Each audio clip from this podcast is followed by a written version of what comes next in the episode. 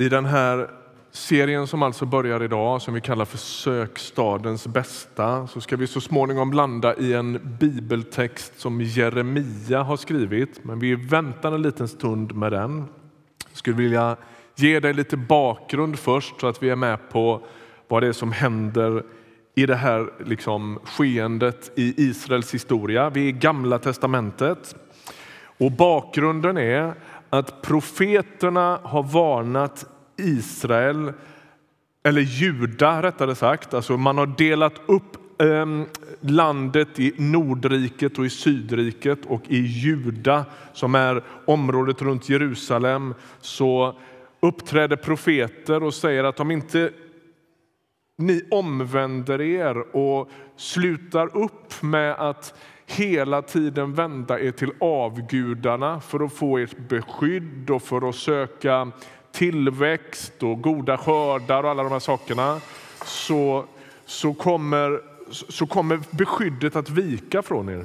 Gud har beskyddat folket och så är det som att de hela tiden söker att kliva ut ur det där.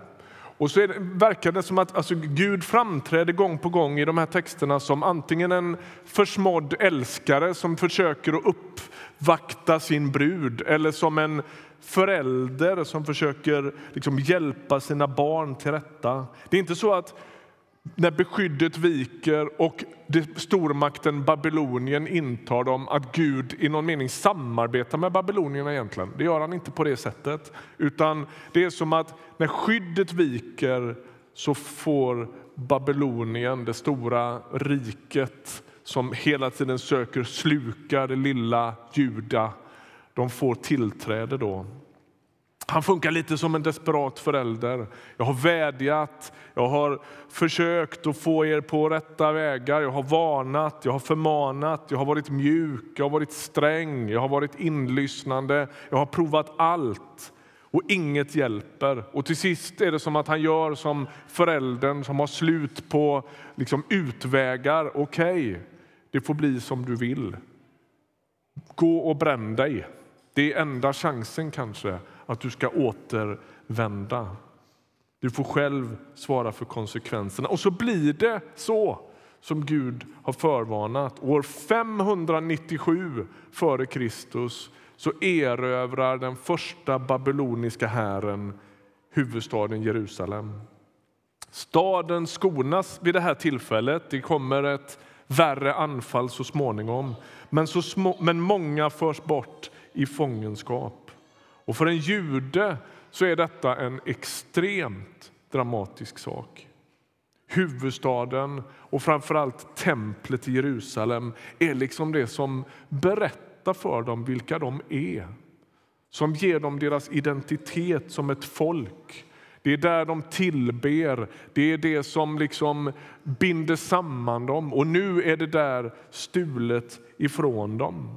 Och så sitter en stor grupp av judarna i exil och fångenskap i Babylon. Och I psalm 137 så får vi liksom en liten smak på hur det känns att sitta där. De säger så här. Vid Babylons floder satt vi och grät när vi tänkte på Sion, som ju är Jerusalem. då. I pilträden som växte där hade vi hängt våra lyror. De som höll oss fångna bad oss att sjunga. De som släpat bort oss bad om glada visor. Sjung för oss en sång från Sion. Men hur kunde vi sjunga Herrens sånger i ett främmande land? Man riktigt hör hur missmodiga de är. För de här människorna så är förlusten av Jerusalem en förlust av tron. De tillbad Gud i templet, och så kan de inte det längre. Och när, i, i, I både deras sinnevärld och i de omgivande folkens sinnevärld så funkar det så att när platsen är besegrad så är också deras Gud besegrad. De har liksom levt med en slags idé om att det spelar ingen roll vad som händer. Gud beskyddar oss hela tiden och tar hand om oss och vår hemvist i Jerusalem. Och så testar de liksom Guds tålamod tills beskyddet viker. Och så visade det sig att det inte var så självklart. Så för dem är allt liksom förfuskat och värdelöst. De är djupt, djupt modstulna. Och så tänker jag så här.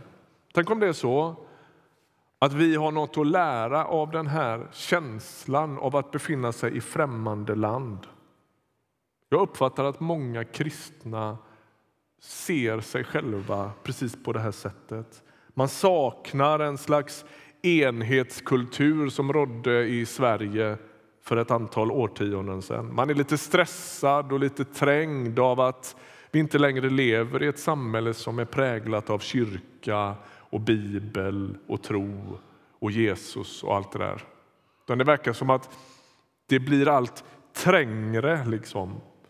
Känslan av att vara en av de få som tror i Sverige blir lite förlamande. Man tappar modet. Man känner sig stressad.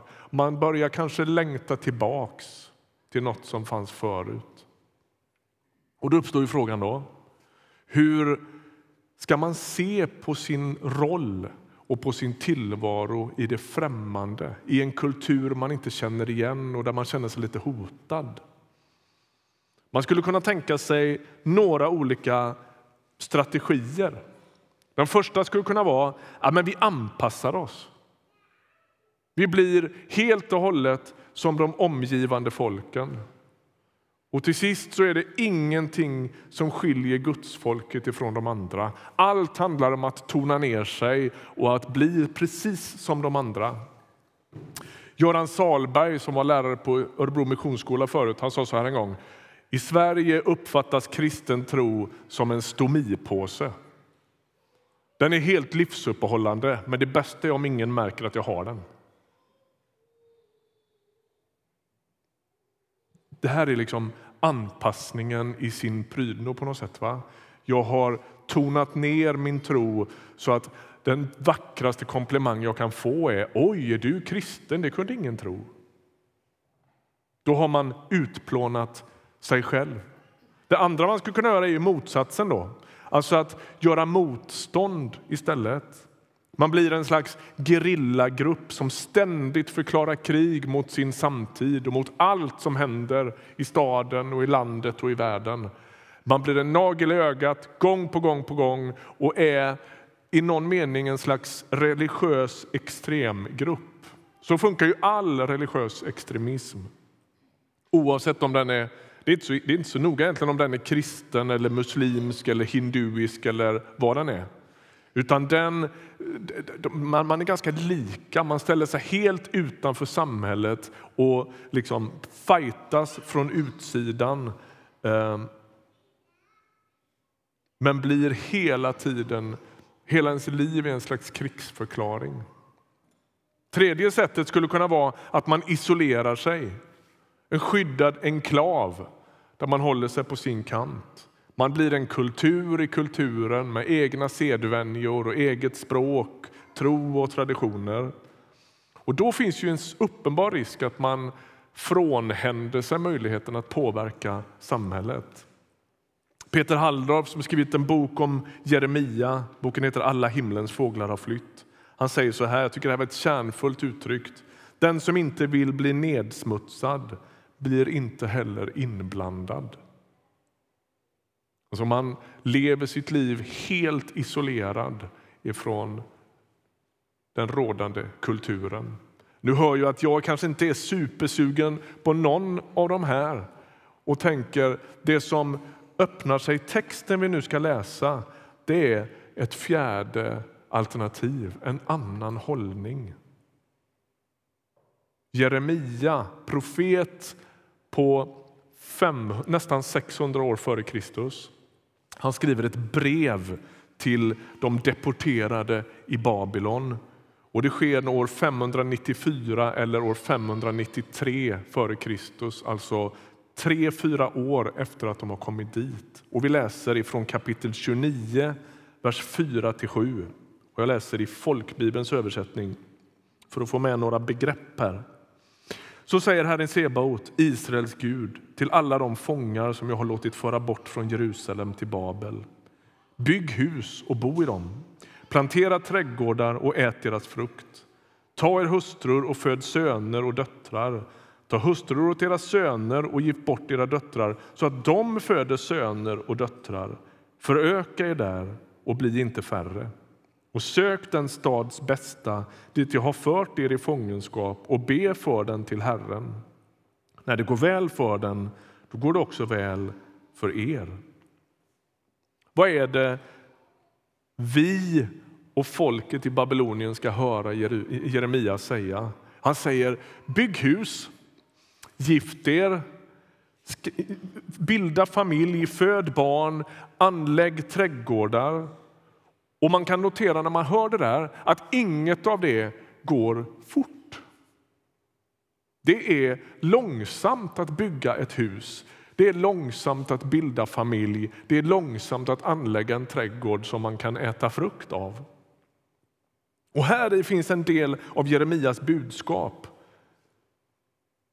Därför att han, han eh, försöker få dem att förstå att de kommer att bli där ett tag. Det pågår en diskussion i Jerusalem om den här deportationen är tillfällig eller inte. Och En del profeter, och lärare och ledare kliver fram och säger att det där är snart över. Det är lugnt. Och Jeremias liksom, besked eller, eller hans budskap till dem det har ju med en långsiktighet att göra. Det finns ju särskilt ett ord i den där texten, eller ett uttryck i den där texten som måste ha bekymrat dem enormt. Era söner och döttrar ska få barn här.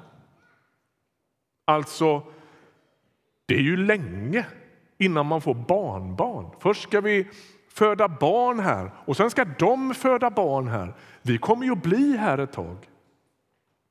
Och det är själva grejen med det här. Att, att de ska förstå att Gud har tänkt att de ska vara där ganska länge. Och trots att ledare och profeter försöker spela ner den här krisen och påstår att alla snart ska återvända så är Jeremia tydlig. Ni ska bli kvar här ett tag och ni behöver skapa er ett liv. Det andra som slår en när man läser det här, det är långsamt men det är också väldigt alldagligt. De blir uppmanade att göra väldigt ordinära saker. Lev era liv. Bygg ett hus, anlägg en trädgård, bilda familj. En enda andlig praktik nämns och det är att de ska be för staden. Det ska vi tala lite mer om nästa vecka. Men det är noterbart att det inte målas upp någon slags superhjältekallelse här. Det finns ingenting i den här berättelsen som andas liksom Moder Teresa eh, vibbar eller att det skulle vara någon våldsam om, omdanande historia utan de ska leva ganska ordinära liv i Babylon. Och då blir frågan, vad är det som skiljer det ifrån den första strategin vi nämnde innan här, nämligen att man anpassar sig? Är det inte så att de här kommer ju bara att bli babylonier om ett tag? De bor där på gatan och fixar i sin trädgård och går till jobbet och vad är det som är, var finns sprängkraften i detta? Jo, men det handlar om hur de ser på sig själva. Om de tonar ner sin identitet och låtsas som att de är som alla andra då kommer de att anpassa sig tills de har utplånat sig själva. Men om de håller fast vid sin identitet som Guds folk om de fattar att de är sända till den här platsen där de nu befinner sig, att Gud går med dem och att det kommer att påverka dem, men det kommer också att påverka deras omgivning. Då blir det en jättestor skillnad. Vilka är det som tillhör Guds folk? Det är alla som har döpts in i Guds folk. Och Paulus han är inne på samma grej när han talar om dopet. Så säger han så här ska ni se på er själva. Romarbrevets sjätte kapitel. Man ska se på sig själv som död för den här världen, men man lever för Gud. Alltså, jag, jag, jag, blir inte an, jag, jag anpassar mig inte hur som helst till omgivningen. Jag finns där, jag lever där, jag verkar där. Men synen på mig den är att jag tillhör Guds folk och det gör hela skillnaden.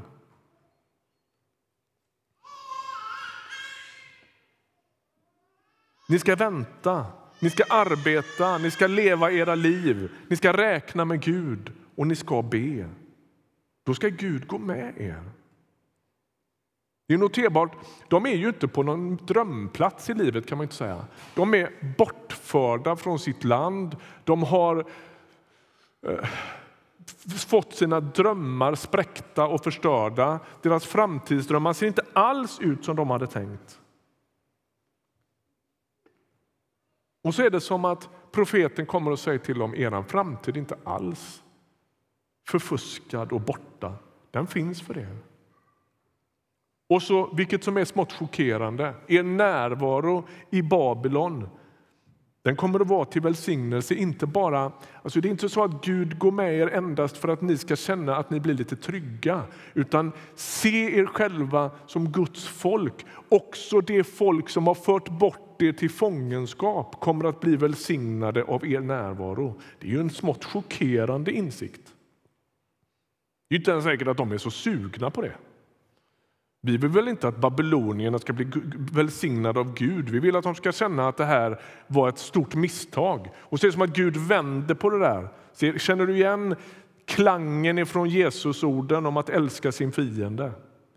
Och så är det som att där de är satta, där kan de sprida Guds rike.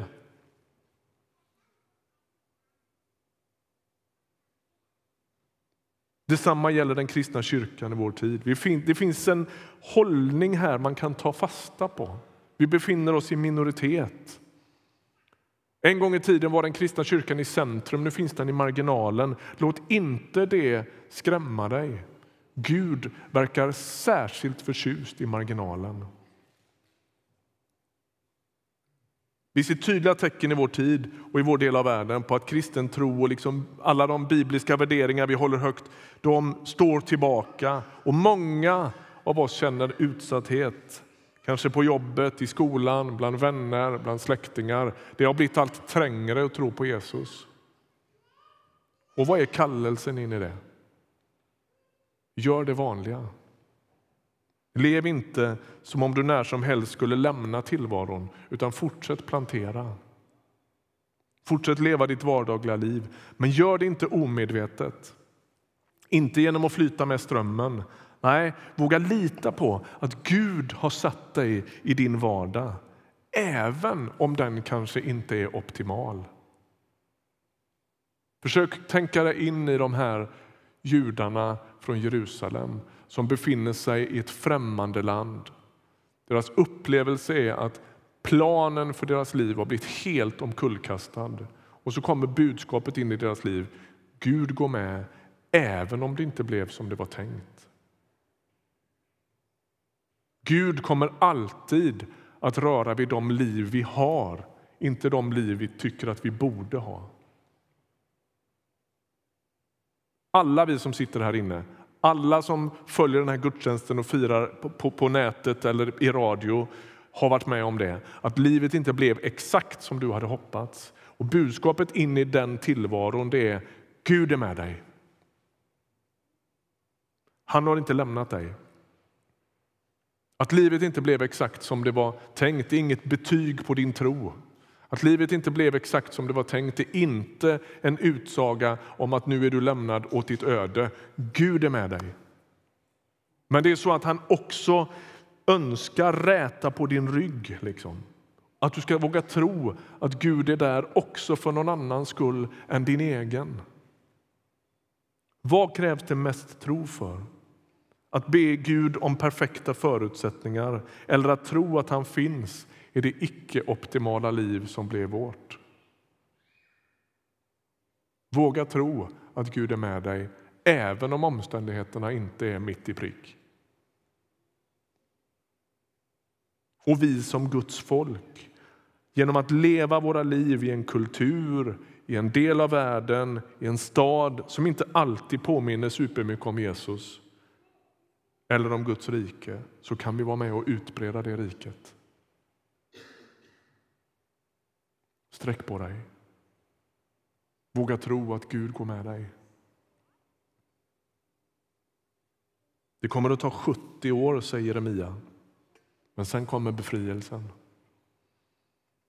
Den här texten, många av oss känner igen några versar som kommer efter den här Jeremia-texten i kapitel 29 där det står jag ska ge er en framtid och ett hopp. Jag vet väl vilka tankar jag har för er. Ni vet, det är en älskad text. Men den står i det här sammanhanget. De är i fångenskap, de är i utsatthet.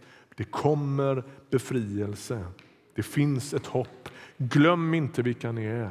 Lev i ett främmande land, plantera, bygg, bilda familj, få barn, få barnbarn och be till Herren. Utbred Guds rike där Gud har satt er. Och en dag ska väntan vara slut. Jag ska ge er en framtid, jag ska ge er ett hopp. Jag ska vända ert öde och ni ska djupast få det ni längtar efter. Glöm inte vilka ni är. Våga tro att Gud går med, att han använder er. Göm dig inte. Räta på ryggen. Du är en del av Guds folk. Du är en del av hans plan för den här staden, för det här landet, för den här världen. Vi ber tillsammans.